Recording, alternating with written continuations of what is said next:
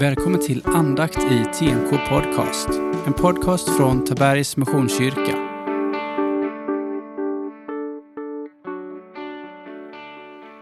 Jag heter Daniel Lundstedt och är en av församlingens pastorer.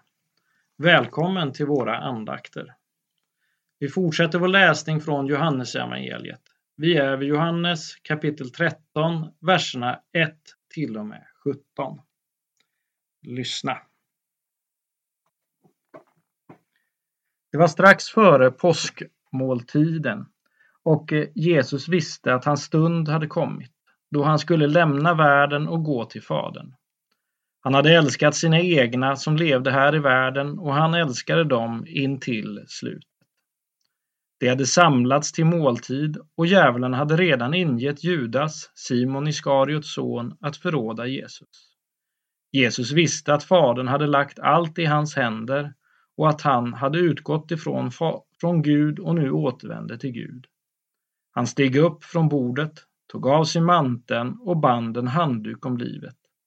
Sedan hällde han vatten i tvättfatet och började tvätta lärjungarnas fötter och torka dem med handduken som han hade bundit om sig. När han kom till Simon Petrus sa denne till honom Herre, ska du tvätta mina fötter? Jesus svarade vad jag gör förstår du inte nu, men senare ska du fatta det. Petrus sa, aldrig någonsin får du tvätta mina fötter. Jesus sa till honom, om jag inte tvättar dig har du ingen gemenskap med mig. Då sa Simon Petrus, Herre, tvätta inte bara mina fötter utan också händerna och huvudet. Men Jesus sa till honom, den som har badat behöver bara få fötterna tvättade. I övrigt är han ren. Och ni är rena, dock inte alla. Han visste nämligen vem som skulle förråda honom och därför sa han att de inte alla var rena. När han hade tvättat deras fötter och tagit på sig manteln och lagt sig till bords igen sa han till dem Förstår ni vad det är jag har gjort med er? Ni kallar mig herre och mästare och det med rätta, för det är jag. Om nu jag som är er herre och mästare har tvättat era fötter, är också ni skyldiga att tvätta varandras fötter. Jag har gett er ett exempel för att ni ska göra som jag har gjort med er. Sannerligen, jag säger er, en tjänare är inte för mer än sin herre, och en budbärare är inte för mer än den som har sänt honom. Vet ni detta är ni saliga om ni också handlar så. Vanligtvis på den här tiden så var det slaven i huset som tvättar gästernas fötter när de kommer in i deras herrars hus.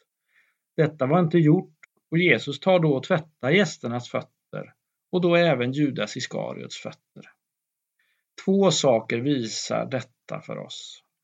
För det första, Jesus är Gud och visar hur långt Gud är villig att gå för att möta oss människor.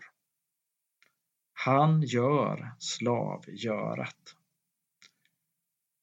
Teologiskt kan man kalla detta för inkarnationens nedersta punkt.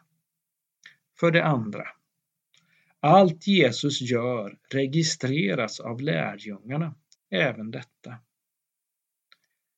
Om Jesus ödmjukar sig, eller också så kan man ju se det att han förödmjukar sig att göra det en slav skulle göra, vad ska då en lärjunge göra? Lite av Paulus ord ringer i mina öron ifrån första Korintierbrevet kapitel 9. Fri och oberoende av alla har jag alltså gjort mig till alla slav för att vinna så många som möjligt.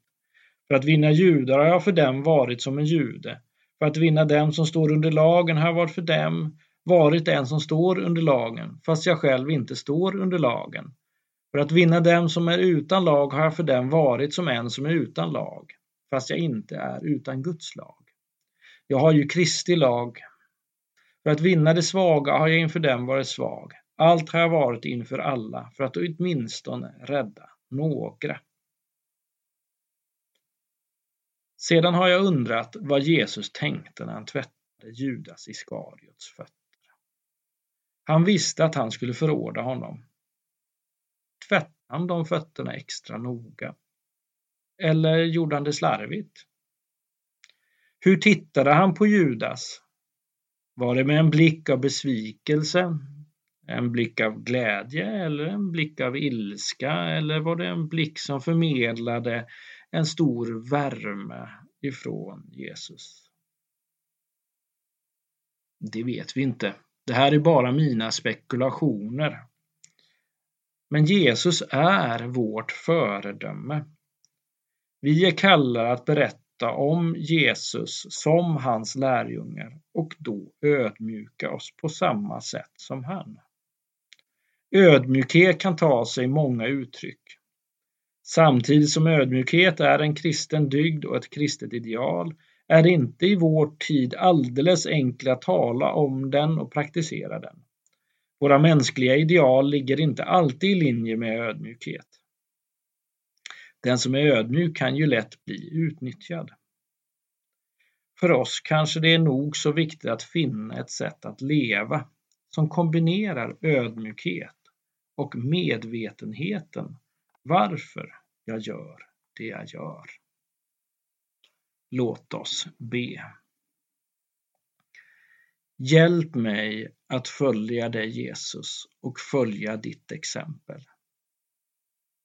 Hjälp mig att ha blicken fäst på dig varje dag så att det syns både i mitt sätt att tala och att göra. Ta emot Herrens välsignelse. Herren välsigne dig och bevare dig. Herren låter sitt ansikte lysa över dig och vara dig nådig. Herren vänder sitt ansikte till dig och ger dig av sin frid. I Faderns och Sonens och den helige Andes namn. Amen. Och jag vill ge dig en utmaning här idag. Välj en ödmjuk väg idag i handling för någon annan. För Kristi skull.